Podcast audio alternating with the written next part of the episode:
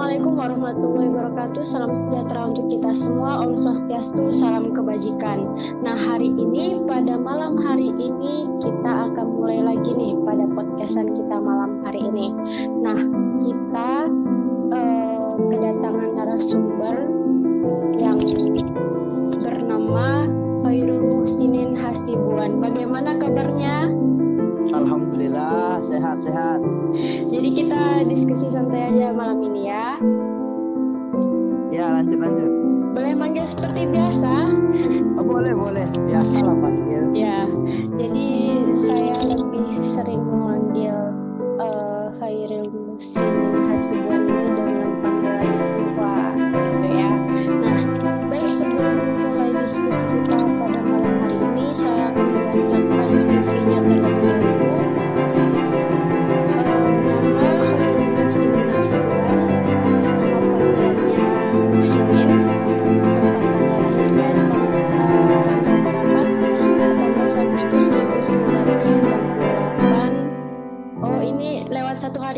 dari uh, hari kemerdekaan ya, wah. Se- Sebenarnya malam pas kemerdekaan itu ya, Wak. cuman terhitung lah tanggal 18 kan gitu. Jadi aturnya tanggal 17 gitu kan? Iya, 17 malam Wak. habis Isa lah, masih 17 sih sebenarnya. Terus jenis kelaminnya laki-laki.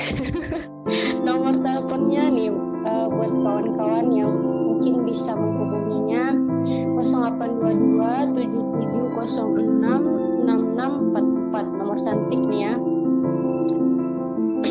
Lalu kemudian pengalaman organisasinya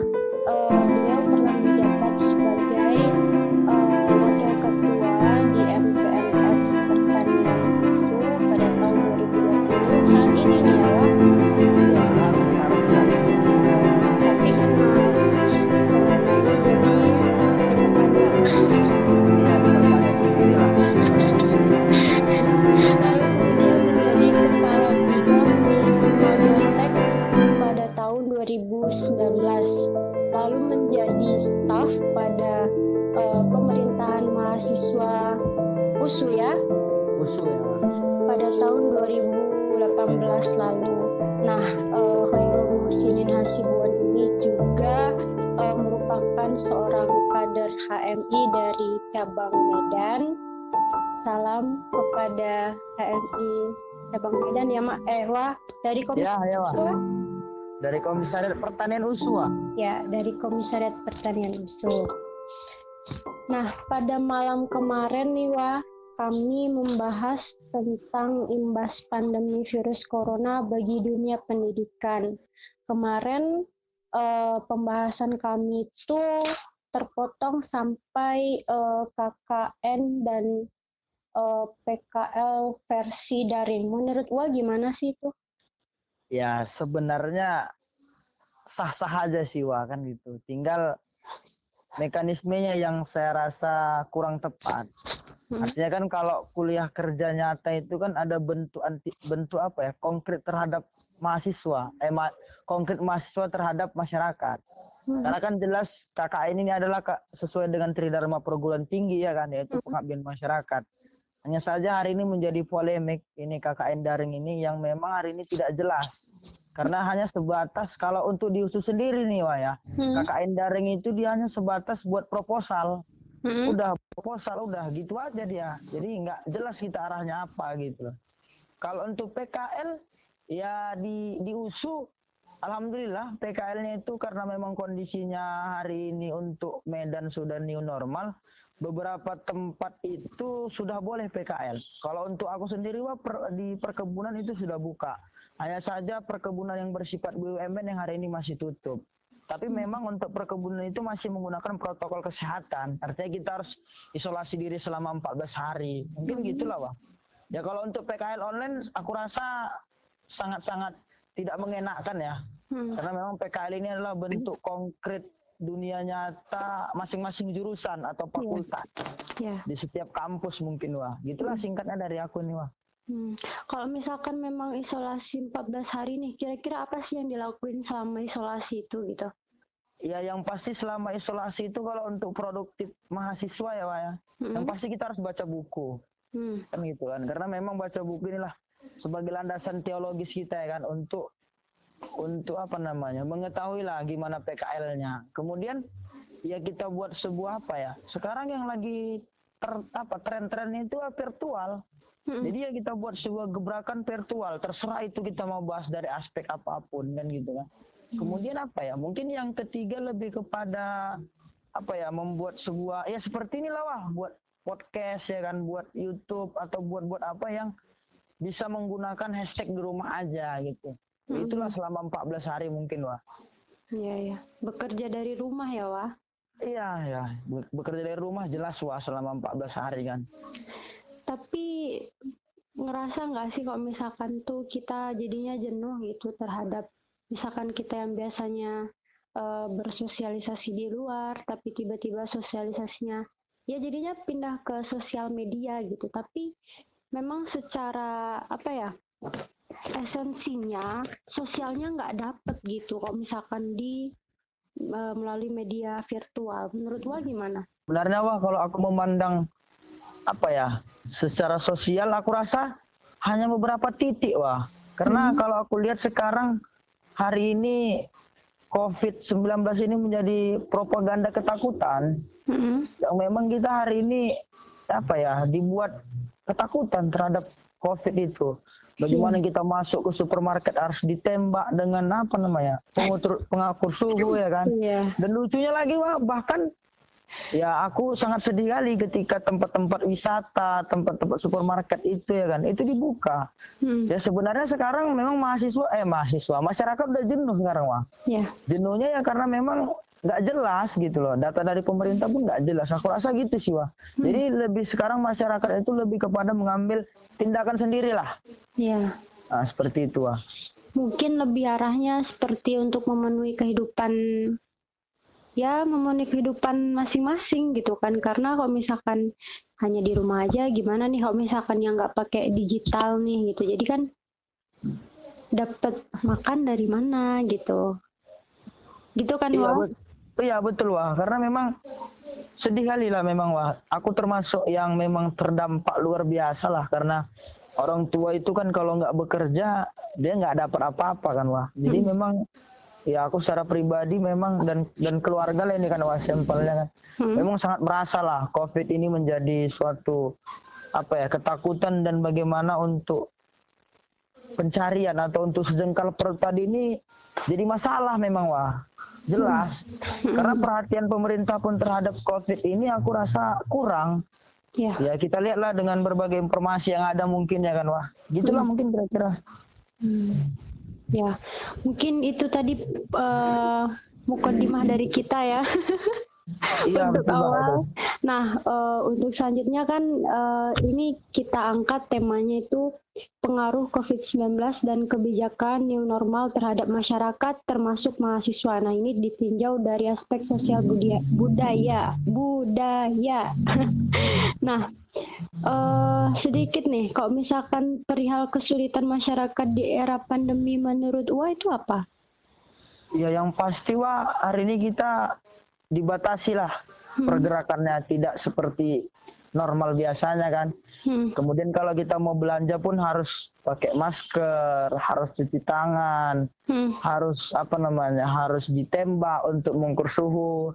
Kemudian di beberapa pasar hari ini atau di beberapa pajak lah istilahnya itu tidak hmm. dibuka. Ya memang kesulitannya itu kalau untuk secara sosial dan budaya memang ya apa ya wah singkat apa apa namanya gambaran spesifiknya itu yang pertama memang kita nggak bisa melakukan pergerakan. Artinya pergerakan di sini kita nggak bisa secara normal hmm. untuk apa namanya melaksanakan kegiatan sosial kita dan pekerjaan kita. Nah yang kedua itu kita diharapkan untuk tetap di rumah aja. Sementara hari ini yang dibuat itu menurut aku nih Wah, ya propaganda ketakutan. Kita hari ini takut-takuti aja gitu ditakut-takuti aja gitu yang terakhir ya bisa kita lihat lah kan hari ini kita ditakut-takuti. Ternyata ada kasus-kasus buat sini dibayar dianya supaya dibilang covid gitu. Jadi hmm. sangat-sangat lucu seperti ini wah jadi kesulitan masyarakat ini termasuk banyak lah wah tapi itulah tadi sedikit apanya ya. Dari aku lah pengan apa namanya pemberitahuannya lah. Hmm.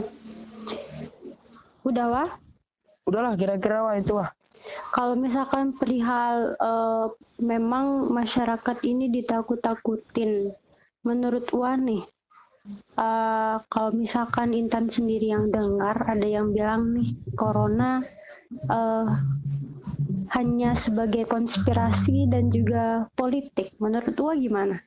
Oh jelas wah. Jadi aku baru baca sebuah di YouTube juga wah ya tentang hmm. konspirasi. Aku juga baru lihat ya wah. Ternyata uh, apa namanya?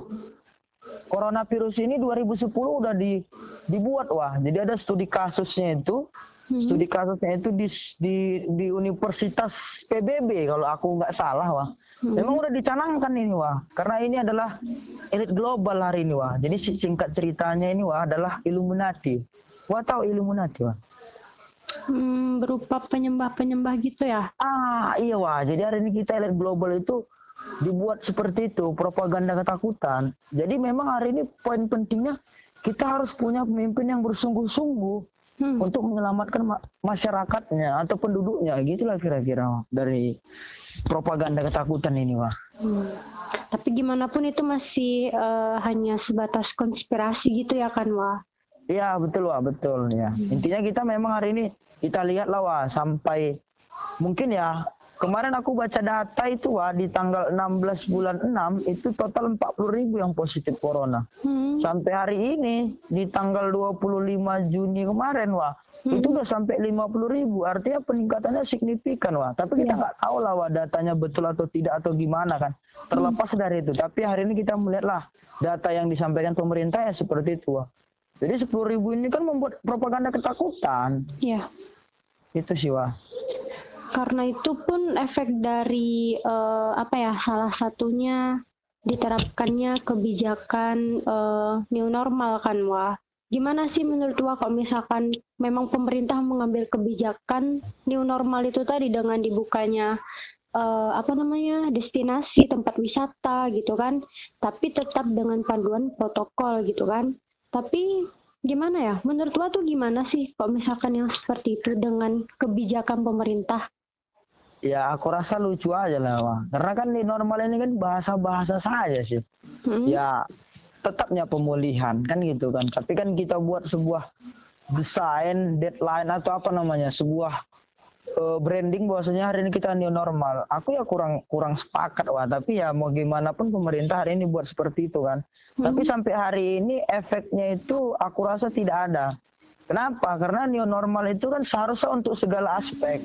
Hmm. Tapi hari ini hanya beberapa aspek saja yang membuat new normal itu ada. Kan gitu kan. Hmm. Jadi aku rasa kalau untuk cerita lebih baik sekarang bukan lebih baik, lebih beringas. Terserah gitu. Jadi nggak dapat new normal yang 100 berapa ya? 140 kabupaten 104 kabupaten tadi itu nggak dapat wah menurut aku jadi ya aku rasa eh, tidak lebih baik menurutku secara sosial dan budaya mungkin wah hmm.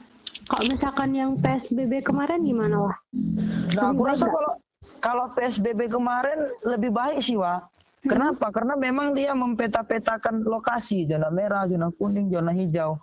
Hanya saja pelaksanaannya itu yang yang kurang tepat. Kenapa? Karena ketika zona hijau dia tetap apa dia itu seharusnya zona hijau boleh dia di zona hijau saja gitu. Jangan ke zona kuning gitu. Sementara mereka zona hijau masih bisa ke zona kuning zona kuning bisa bisa. Hanya pembatasan zona-zona saja. Oh ini Medan zona merah Deli Serdang zona merah. Hmm. gitu sih. Jadi kita buat PSBB gitu ya. Pak tanya PSBB nggak ada nyawa. Hmm. gitu sih Wah Ya, memang setiap kebijakan yang diambil memang pasti ada dampak negatif dan positifnya ya. Iya betul wah. Tapi gimana caranya buat uh, melihat mana sih yang banyak mudaratnya sama yang enggak gitu aja kan? Iya benar wah benar wah. Menurut wah memang uh, pemerintah kita ini udah melakukan yang terbaik enggak sih buat uh, masyarakatnya gitu kan? Yang dipimpinnya yang katanya kita memang rakyatnya gitu. Ya aku rasa wah sudah tapi belum tepat bahasanya. Kenapa? Karena dia tidak tidak semua merasakan dampaknya. Karena keadilan itu tidak tidak terjadi, wah. Hmm. Karena kan beda adil dengan keadilan. Jadi kan kalau untuk menciptakan suatu kebijakan itu harus konkretnya itu harus keadilan. Kadang kita memang salah mendefinisikan adil ini. Adil ini ya setiap orang hari ini ini normal, setiap wilayah ini normal, setiap wilayah. Tapi keadilan itu nggak dapat. Seharusnya memang kayak aku bilang tadi di peta-petakan dia, wah. Hmm. Zona ini kayak gini, zona ini kayak gini, zona ini kayak gini. Ya aku rasa secara pemerintah sudah mem, sudah memberikan kebijakan terhadap masyarakat tapi kurang tepat. Kalau untuk presentasi kebaikannya mungkin dirasakan ya sampai hari ini mungkin 55% persen lah masyarakat Indonesia merasakan lah mungkin. Hmm. Mungkin lebih tepatnya kenapa uh, pemerintah melakukan kebijakan mengeluarkan kebijakan new normal ini karena salah satunya masyarakat itu sudah bosan karena di rumah aja selama empat bulan mungkin kok misalkan kita nih ya kita aja selama sebulan kalau misalkan di rumah aja pasti bosan kan wah Ih, jelas sekali oh, jangan kan kerjaan gitu kan dua hari Terus aja ada. di rumah bosan Uh-uh. Kalau misalkan tadi kayak misalkan kita dibiayain, dikasih makan, mungkin oke okay lah kan ada yang menanggung. Ini sedangkan untuk mencari makan sendiri pun harus kita sendiri gitu kan, nggak ditanggung. Mungkin ya bantuan dari pemerintah hanya mungkin sekejap saja gitu. Jadinya nggak sampai empat bisa untuk empat bulan itu gitu. Makanya mereka menerapkan new normal ini. Nah, salah satunya juga masyarakat itu bandel nih. Wah, Pernah dengar nggak sih Indonesia terserah aja? Menurut lo itu gimana? Ya, aku rasa itu memang apa ya hashtag yang memang dilaksanakan. Kenapa? Hmm. Karena tidak ada apa ya keter bukan keterbukaan banyak, tidak ada ketepatan pemerintah itu terhadap masyarakatnya. Hmm. Jadi ya wis gitu. Pemerintah pun nggak sigap untuk masyarakatnya. Jadi ya masyarakatnya ya terserah aja kan gitu kan. Selama hidup-hidup gua segala macam ya terserah gua kan gitu. Karena hari ini memang pemerintahan kita memang ya seperti itulah wah. Bahkan ya kalau kita cerita hari ini baru 8 bulan pemerintahan itu udah mau diresapel menteri-menterinya kan. Mm-hmm. Artinya kan mal, ma, malu satu satu pemerintahan itu malu kita melihat hari ini yang Indonesia adalah nomor 4 terbanyak manusianya hari ini dibuat dengan 8 bulan mau diresapel kan agak lucu gitu wah. Mm-hmm. Masa seharusnya kan bukan itu tapi ya dia pun menulisnya secara secara apa ya? Secara tertulis nggak salah ya. Lucu kali lah, Pak. Marahnya itu secara tertulis gitu. Lucu kali. Jadi ya mungkin gitulah, Wah. Jadi ya masyarakat ini pun udah nggak percaya lagi, ya udah terserah aja gitu. Untuk yang tadi lah, Wah, untuk yang paket sembako itu, ya aku rasa mafia-mafia paket sembako itu makin merajalela di sini, Wah. Contoh kasus nih, Wah, di tempat aku, Wah, itu kan dana dari pemerintah Pemprov Su ya kan dari dari Gubernur Sumatera Utara untuk per kabupaten itu satu kakak itu 250 orang wah. Hmm. Tapi dijadikan paket sembako kan wah, dijadikan hmm. paket sembako. Kalau kita hitung-hitung wah, paket sembakonya itu paling mahal 180 ribu. Hmm. Ke mana 70 ribu lagi kan? Oh ternyata mafia semua sini wah. Itulah yang memang hari ini membuat sebenarnya bagus apanya ya, bagus untuk bantuannya gitu. Tapi ya bayangkan lo wala sampai tujuh puluh ribu di, dipotong kan ya kalau lima belas ribu sepuluh ribu uang capeknya oke okay lah ya kan iya, wah. Hmm. Ini sampai ya kita katakan sampai 20% pemotongan itu kan udah nggak betul itu wah. Hmm. Itulah wah fakta terjadi di lapangan. Iya bahkan yang lebih ngerinya kalau misalkan itu mending lah kalau misalkan 250 kan wah ini yang 600 ribu nih gitu totonya dapatnya cuma segitu doang nggak sampai 200 kan memang parah sih kok misalkan dibilang ya mafia tadi lah ya kan wah iya wah parah ya bayangkanlah pemerintah udah menyiapkan dana yang cukup besar untuk covid ini bahkan setiap daerah itu untuk APBD-nya dialihkan ke COVID. Tapi hmm. ya lucu kali lah aplikasinya wah kasihan masyarakat ini wah. Hmm. Kalau aku pribadi ya wah mungkin makan untuk dua kali sehari itu mungkin dapat lah. Tapi kan yang lain-lain itu kan wah kayak mana? Kan gitu ha. ya janganlah dipotong yang memang haknya kan gitu kan. Nggak pun dari situ kan mereka udah dapat persenan sebenarnya pak kan iya. gitu. Nggak cukup sih persenan tadi itu. Kan gitu. Gajinya kan tetap tetap ya kan? Iya wah masalahnya kan ini kan covid ini kan musibah sebenarnya wah. bukan mungkin lah kalau kita pilpres kalau kita dana yang lain ini kan musibah yang didampak seluruh Indonesia wah hmm itu pun macam kayak kita kemalangan wah uang kemalangannya diambil kan lucu kali ya masa aku kemalangan kemalangannya diambil ya tertawa sajalah melihat uh, para petinggi-petinggi ya Wah. Iya, kalau dari aku kita doakan saja Wah. Iya, betul. Nah lanjut nih, bisa kita lanjut Wah? Bisa Wah, bisa Wah. Nah lalu kalau misalkan dampak terhadap efektivitas kegiatan masyarakat dan mahasiswa menurut Wah gimana? Mungkin uh, agak sinkron juga ya sama uh, kata pengantar kita tadi ya kan Wah. Menurut Wah gimana? Mungkin bisa dispesifikkan lagi gitu. Kalau efektivitas kegiatan masyarakat ya jadi berkurang lah Wah. Berkurang dalam artian ada pembatasan kan gitu kan. Yang semulanya dia bisa kayak gini, ya jadi jadi hanya sebatas. Kalau untuk mahasiswa jadi bodoh mahasiswa sekarang wah. Bodohnya kenapa aku bilang? Daring wah di rumah aja. Jadi nggak ada kegiatan yang memang bisa untuk dibuat mahasiswa pembatasannya. Ya. Tapi kalau untuk secara kuliah mahasiswa hari ini stres wah. Hmm. Kenapa?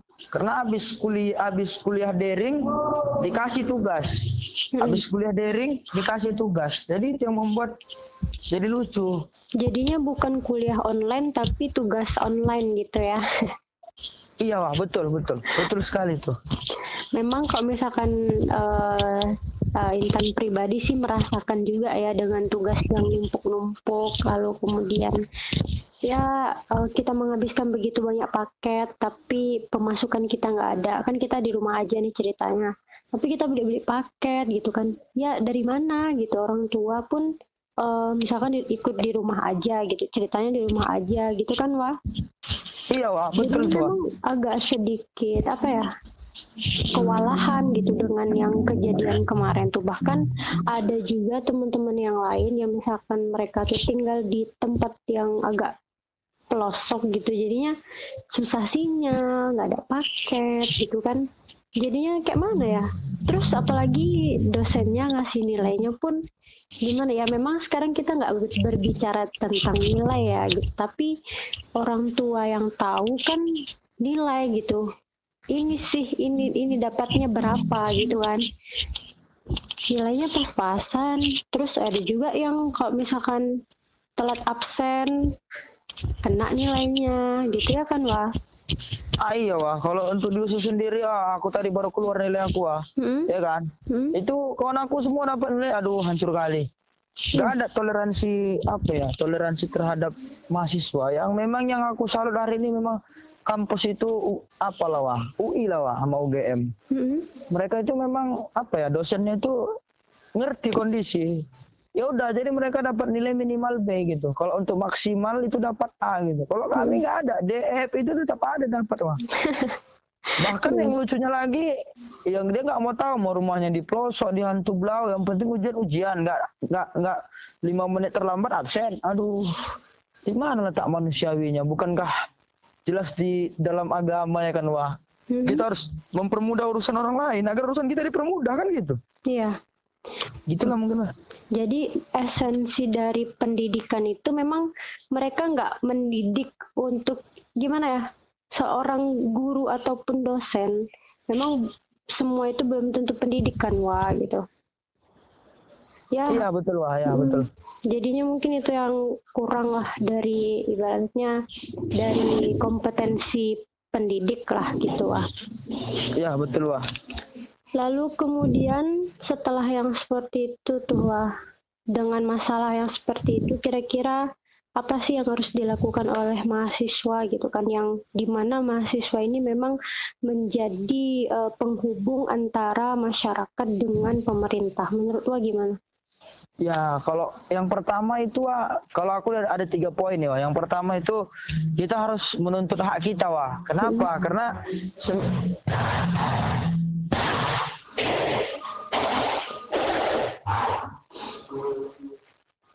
Jadi kan kalau dari aku ada tiga poin sih wah. Tadi kan kita mahasiswa ini penghubung masyarakat dengan apa ya dengan pihak kampus gitu ya wah ya. Mm-hmm. Nah yang pertama ya tugas kita sebagai mahasiswa atau apa yang harus dilakukan mahasiswa adalah menuntut hak kita. Memang hari ini lagi digaung-gaungkan itu keringan UKT wah. Yang lucunya lagi wah ada beberapa kampus yang tidak sinkron dengan dengan keputusan Permendikbud 25 per 2020 tadi wah. Mm-hmm uh, contoh misalkan kalau di Sumatera Utara ya Wak Winsu itu udah buat kebijakan. Oke, kebijakannya aku rasa sesuai dengan pemerintah yaitu hmm. membuat keringan UKT. Tapi bayangkan wah, keringan UKT-nya hanya 10% pemotongannya wah. Hmm. Itu pun kalau yang ayahnya PNS apa segala macam nggak bisa. Ya lucu aja lah kalau ayahnya PNS tapi pensiunan gimana coba? Hmm. Kalau yang ayah mamanya mati gimana coba? Harus buat surat ini, surat ini kan lucu kali gitu. Jadi memang nggak nggak sinkron. Padahal kalau kata Nadiem Makarim ya kan, itu hmm. udah sepakat Majelis Rektor Perguruan Tinggi Negeri udah sepakat dengan UKT yang lima poin tadi kan, Wah. Ya. Itu sih. Jadi memang kita harus menuntut. Kenapa? Karena lucu aja kita hari ini kuliah tapi dengan fasilitas kita yang sediakan. Ibaratnya kalau dosen itu kan cuma ngasih slide habis itu udah ngasih tugas gitu hmm. lucu gitu jadi ya udah kalaupun memang mau di apa ya aku rasa pemotongan 50% itu udah cukup besar wah kalau untuk kampus-kampus apa ya kampus-kampus negeri lah kita katakan terlepas hmm. dari swasta kan gitu kan ya. karena memang hari ini ya kita APBN negara itu untuk pendidikan itu kan 20 persen wah hmm. itu aja kita maksimalkan kan gitu kan dosen enggaknya berdiri dosen ya memang dosen ada gaji dosen PNS ada gaji dosen pas duduk ngajar kan iya ya, jadi itu sih wah yang kedua ya kita harus apa ya kalau ke mahasiswa sama mahasiswa sendiri kita kajilah isu-isu nasional. Kita hmm. buatlah pola-pola pikir kita jadi kritis. Itunya sekarang wah. Karena memang mahasiswa ini penyakitnya hedon wah. Hmm. Mungkin bisa kita survei satu dari seratus orang makin nggak ada yang peduli. Tapi nanti misalkan nih wah kalau di dusun sendiri kan, itu nggak ada yang peduli wah. Tapi begitu keluar nanti kebijakan rektor mengenai keringan UKT ribut, sibuk sana semua. Contoh nih kami wah, kami kan ada bantuan tuh kuota wah. Hmm bantuan kuota kami itu 150 ribu tapi anak mandiri nggak dapat. Ribut anak mandiri. Gini gini gini gini gini gini. Ya waktu sebelum keluar nggak ada ngomong-ngomong. Lucu kadang kita mahasiswa itu tadi. Jadi memang harus kita terapkan pola-pola kritis. Memang kita sangat-sangat jauh lah dibandingkan dengan rekan-rekan seperjuangan pada tahun 98 pada saat itu mereka ya kan? Ya aku rasa hari ini seluruh perguruan tinggi negeri melaksanakan KKN. Mm-hmm. Aku mohonlah harapan lah ini wah KKN-nya itu tolonglah ada ke masyarakat. Walaupun KKN-nya itu di rumah aja atau di daerah lingkungan kita tinggal, tolonglah ada yang kita bisa berikan kepada masyarakat. Hmm. Kalau untuk rekan-rekan yang hari ini semester-semester baru, yang masih semester 2, semester 4, yuklah kita buat yang namanya apa namanya, didik anak desa. Jadi kita turun-turun ke desa, kita pakai alma mater kita, kita didiklah anak-anak desa yang hari ini memang primitif akan hal ini apa namanya akan hal pendidikan wah. Kita ajarin bagi mereka bisa baca tulis kita buat mereka kreativitas ya kita buatlah. Artinya memang hari ini mahasiswa itu bukan hanya sebatas ketika kata pemerintah daring di rumah aja ya di rumah aja. Enggak. Kita buat terobosan. Hmm. Artinya bahwasanya ya biar aja kuliah online tapi kita kita buat aktivitas satu misalkan satu daerah itu satu kabupaten ada lima orang anak usu nih wah. Ya udah lima itu buat misalkan ada daerah pedalaman, kita buat pendidikan sesuai dengan jurusannya. Kalau ada jurusan antropologi, ya bagaimana tentang budayanya. Kalau ada jurusan pertanian, bagaimana tentang budidaya tanaman di sana. Kalau ada jurusan tentang matematika, bagaimana dia bisa melajarkan apa ya kali-kali tambah-tambah bagi-bagi atau kurang-kurang. Mungkin dari kedokteran dia bagaimana bisa mengetahui imuni apa imunisasi atau gizi buruk kan gitu mungkin wah. Hmm. Ya aku rasa tiga tadi lah. Artinya yang pertama kita harus menuntut haknya, yang kedua memang kita harus meng, apa ya menurunkan hedonisme kita sebagai mahasiswa. Yang terakhir ya kita ke masyarakat lah ini. Artinya adalah aplikasi kita kuliah itu ya kita kan kaum kaum intelektual harus sampaikanlah kepada masyarakat. Mungkin itu sih wah tiga poin wah. Ya, kalau misalkan pria KKN nih, uh, kalau misalkan faktanya uh, ataupun pengalaman lah ya dari teman Itan juga ada yang mereka itu memang tidak diterima di masyarakat gitu. Nah itu gimana menurut Wah? Sedangkan memang mereka pun nggak mau untuk melakukan ibaratnya uh, ada isolasi, misalkan ada mengikuti protokol kesehatan, enggak gitu, nggak ada gitu. Jadi memang untuk mengabdi kepada masyarakat pun nggak ada. Jadi memang ada sebagian dari kawan-kawan yang lain melakukan memang daring gitu. Ya artinya wah aku rasa nggak mungkin masyarakat hari ini nggak menerima kita. hmm. sebagai mahasiswa yang kaum intelektual. Mungkin kayak Wah bilang tadi lah, ada kesalahan dia nggak mau buat, nggak mau mengikuti protokol kesehatan, atau hmm. dia mungkin bahasa bahasanya terlalu sombong. Karena kan hmm. kalau kita bicara ke desa ini kan bukan kita yang mengubah suatu desa, tapi kita mengikuti desa baru kita bisa kita ubah gitu. Masuk dulu kita ke dalam desa. Ya aku rasa ketika memang masalahnya tadi masyarakat tidak menerima, ya udah di rumah aja ya kita buatlah kayak apa ya kita buatlah sebuah apa ya belajar di rumah gitu jadi mm-hmm. anak-anak itu kita buat belajar di rumah mungkin kalau yang agak-agak apa yang yang, yang ada keilmuan agamanya dia buat apa ya buat pesantren kilat atau mm-hmm. dia buat apa ya belajar mengaji atau mm-hmm. dia melatih untuk pidato. Ya aku rasa banyak wah kalau kalau mahasiswa sekarang ya wah aku lihat ya enggak. Misalkan lah anak kedokteran itu bisa belajar belajar pertanian. Anak pertanian bisa belajar kedokteran enggak nggak satu sisi nggak satu sisi dia anak kedokteran tok bahas dokteran aja yang enggak hmm. gitu makanya kampus merdeka yang dicanangkan dari Makarim itu ada ada juga betulnya yang memang harus direalisasikan gitu hmm. jadi ya mungkin kita harus lihat dulu lah kenapa kita bisa tidak diterima di masyarakat kan gitu hmm. jadi memang masih banyak solusi yang lain gitu ya meskipun uh, ada kendala gitu pasti dicari solusinya ya jelas wah Ya intinya kan kita harus diterima di masyarakat. Kalau masyarakat nggak percaya sama kita, siapa yang percaya sama kita? Ya, Sementara ya. Ma ma mahasiswa dan masyarakat ini harus bersatu. Hmm, betul. Gitu kan. Uh, mungkin ada sedikit tambahan lagi, wah? Ya gimana ya? Uh, aku ya kan. Jadi aku mungkin harapan-harapan aja ya kan. Harapan hmm. yang pasti aku sampaikan nih bahwasanya menurut aku ya corona virus DCAC-19 ini itu bagian dari propaganda ketakutan. Hmm. Jadi untuk masyarakat bagaimana cara apa ya cara untuk kita bisa melepas dari semua ini yang pertama mari sama-sama kita doakan pemimpin kita ya kan hmm. itu aku tadi baru lihat tuh sidang sidang komisi 7 DPR RI hmm. membahas tentang Freeport dan Inalum kalau aku nggak salah. Iya memang lucu aja gitu. Jadi bisa satu kasus itu direktur direktur Inalum itu meminjam uang hmm. itu tanpa ada jaminan gitu. Jadi aku agak lucu gitu. Hmm.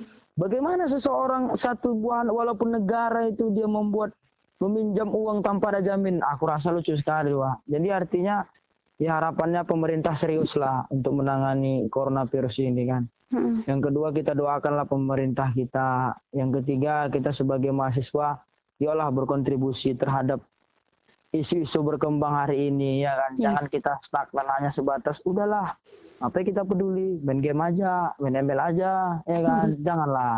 Ya. ya kan mau kayak mana lagi kondisi kalau kayak gitu kan. Yang terakhir ya yolah kita terjun ke masyarakat. Kita ajak masyarakat ini untuk mengerti bagaimana apa namanya coronavirus. Karena kalau orang-orang tua-tua kita itu payah wah. Hmm. Disuruh belajar pun nggak akan bisa, tapi kita lah memahamkannya dengan bahasa yang sedikit lembut, yeah. dengan tutur kata yang sopan. Pasti mereka ngerti. Hmm. Di kampung aku ya, wah aku kasih tahu aja itu covid itu kayak mana gini-gini. Percaya ke orang itu. memang karena memang aku pelan kurasa ngomongnya ya kan. Hmm. Mungkin karena dengan gaya bahasa yang cukup menarik ya kan. Nah hmm. itulah peran kita kan bagaimana menyesuaikan di, bu, kondisi tadi. Percaya ke orang itu. Hmm memberikan pemahaman gitu ya. Ah, contoh kayak kemarin wah aku dilarang tua buat apa? Buat apa? Tadarus Al-Qur'an tuh anak-anak sore. Kok aku hmm. yakin kan orang tuanya. Hmm. Aku sampai kan namanya gini gini gini gini. Oh, boleh wah. Satu hmm. bulan full itu aku ajar itu kemarin hmm. wah. Itu masih Covid-nya luar biasa ya di bulan yeah, iya. puasa. Yeah. Hmm. Sekarang udah new normal kan artinya persentase untuk jarak itu kan udah berkurang. Kalau hmm. kemarin kita memang 80% dibatasi, mungkin sekarang tinggal 40% lagi kita dibatasi kan gitu. Hmm. Itulah Pak, mungkin wala kan kalau sharing-sharing lah mengenai COVID ini apalah kira-kira yang bisa wa tangkap lah. Hmm. Ya, kalau misalkan menurut uh, Intan pribadi pun sependapat semua. Mungkin lebih jelasnya lebih panjang lebarnya kan udah Uwa jelaskan tadi ya kan. Kalau misalkan dari Intan pun uh, ada baiknya juga ada kerjasama antara masyarakat dengan uh, pemerintah juga. Salah satunya untuk uh, meminimalisir nih uh, yang namanya korban berjatuhan meskipun kita tidak tahu yang namanya kesehatan kan memang itu penting gitu ya. Entah itu terlepas dari politik atau konspirasi dan dan sebagainya gitu kan wah memang yang namanya kesehatan itu mahal kan wah Iya benar wah benar. apalagi kalau misalkan yang waktu gempar-gemparnya dulu bahkan untuk surat kesehatan pun harus bayar 300 ribu semua transportasi naik uh, dua kali lipat ada yang tiga kali lipat gitu. Bahkan untuk makan saja kita uh, gimana ya mikir-mikir gitu. Apalagi dengan biaya yang melejit untuk pulang atau apa gitu kan. Ibaratnya ya apalagi ya misalkan kok misal Intan sendiri yang mengalami kemarin dengan keadaan yang seperti itu mungkin memang seharusnya untuk meminimalisir dari corona ini adalah kerjasamanya masyarakat dengan pemerintah. Kalau misalkan dari Intan itu aja sih Wah. Oke Wah, oke Wah. Hmm. Mungkin itu diskusi kita malam hari ini. Terima kasih banyak ya, Wah. Oke, Wah. Aman, Wah. Aman, aman. Hmm, Sehat-sehat ya, Wah. Oke, siap. Banyak-banyak minum susu biar cepat gemuk. iya, siap. Itu yang paling penting sekarang, kau jangan gara-gara kuliah ini kita jadi apa ya jadi kurus harusnya gemuk aku aja wah berangkat aku dari kampung 40 kilo sekarang 70 kilo kan Nah, 30 kilo. Makanya ini mau proses diet aku. Kalau mau kalau lemak-lemak aku bisa aku lempar wah. Iya, uh, perihal uh, body nih ya. Es, es, es. Yang membuat kurus itu sebenarnya apa sih? Memang pola pola makan atau pikiran gitu? Karena kalau misalkan dari intan pribadi memang ada yang bilang dari pikiran. Kalau misalkan dibilang makanan nggak bergizi kalau misalkan di rumah ini bergizinya semua gitu. Tapi kalau di kos-kosan ragu lah ya.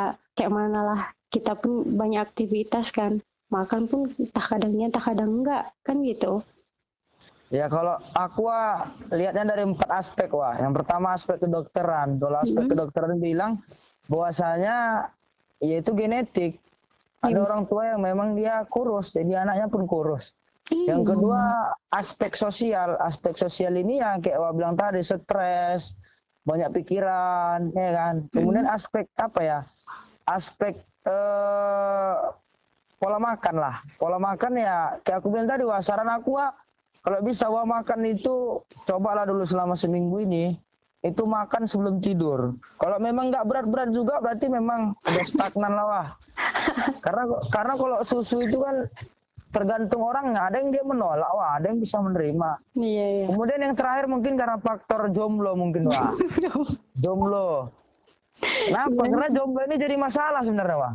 Jadi kalau serius nih, Wah, kita sedikit yeah. tentang yeah, tentang yeah. kisah lah. Mm -hmm. Kisah kan. Ternyata laki-laki itu, Wah, sehebat apa pun tanpa ada backupan atau tanpa ada sosok perempuan di belakangnya terlepaslah itu jadi dia jadi sahabat jadi pacar atau apa pun itu hmm. butuh binatawa jadi mungkin tidak ada satu pemimpin pun di muka bumi ini atau siapa pun itu yang tidak butuh perempuan hmm. artinya aspek perempuan ini pendukung dia wah ya hmm. kalau aku lihat pendukung sebagai apa sebagai mentalitas karena kalau pemimpin ini kan yang dijatuhkan itu kan mentalnya yeah. Jadi di situlah masuk si perempuan tadi sebagai apa ya? Apa? Mood booster. ya sebagai apa ya? Sebagai udah diselesaikan ini atas mana? Belum. ya apa ya? Sebagai pengobat ini lah, pengobat tahan mental. Iya. Bahkan di buku Henry Menon Piring itu pun dia dibilang bahkan yang diwawancara itu pun tentang perempuan. Ini memang hari ini perempuan ini luar biasa pengaruhnya terhadap kehidupan ini, wah. Iya. Itu nggak bisa dipungkiri lah. Jadi ya memang pengaruh jomblo itu ada, wah. Memang besar. Entah perempuan itu menghancurkan atau menghidupkan ya kan. Iya, yang pasti duanya itu kalau nggak menghancurkan menghidupkan. Tapi ada peran laki-laki juga yang membimbing di situ kan gitu. Oh iya betul betul. itulah mudah-mudahan yang empat tadi lah wah, bisa untuk kita tunggulah seminggu ke depan kan oke okay. mungkin yang ini paling tidak sekilo dua kilo lah ya mungkin ini tips juga bagi para pendengar yang misalkan kalian kurus jadi bisa untuk diterapkan di dalam kehidupan sehari-hari dan semoga bisa naik beratnya. Amin, amin, amin, amin, amin. amin. Terima kasih amin. banyak sarannya ya Wah. Terakhir nggak bisa, bisa nggak Wah? Ah boleh, boleh, boleh silakan. Apalah tips trik membuat perempuan ini nyaman?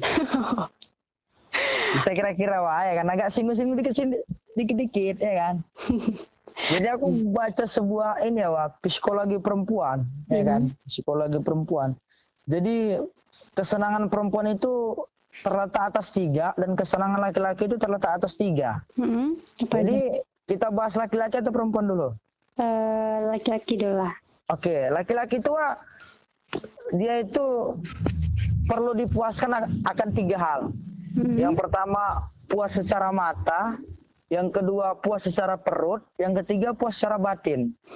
Tiga ini aja wah bisa perempuan berikan, udah aman tuh wah maka mentalnya akan kuat. Itu tadi kan. Kalau untuk perempuan tiga juga. Mm-hmm. Yang pertama dia butuh yang namanya tanggung jawab. Mm-hmm. Nah, yang kedua dia butuh yang namanya apa ya? Kalau bahasa ininya eh, dia butuh yang namanya apa ya? Materi, materi finansial. Yes. Oke, yang terakhir dia butuh yang namanya apa ya? Ini kalau kalau di dalam apa bahasanya bukan materi.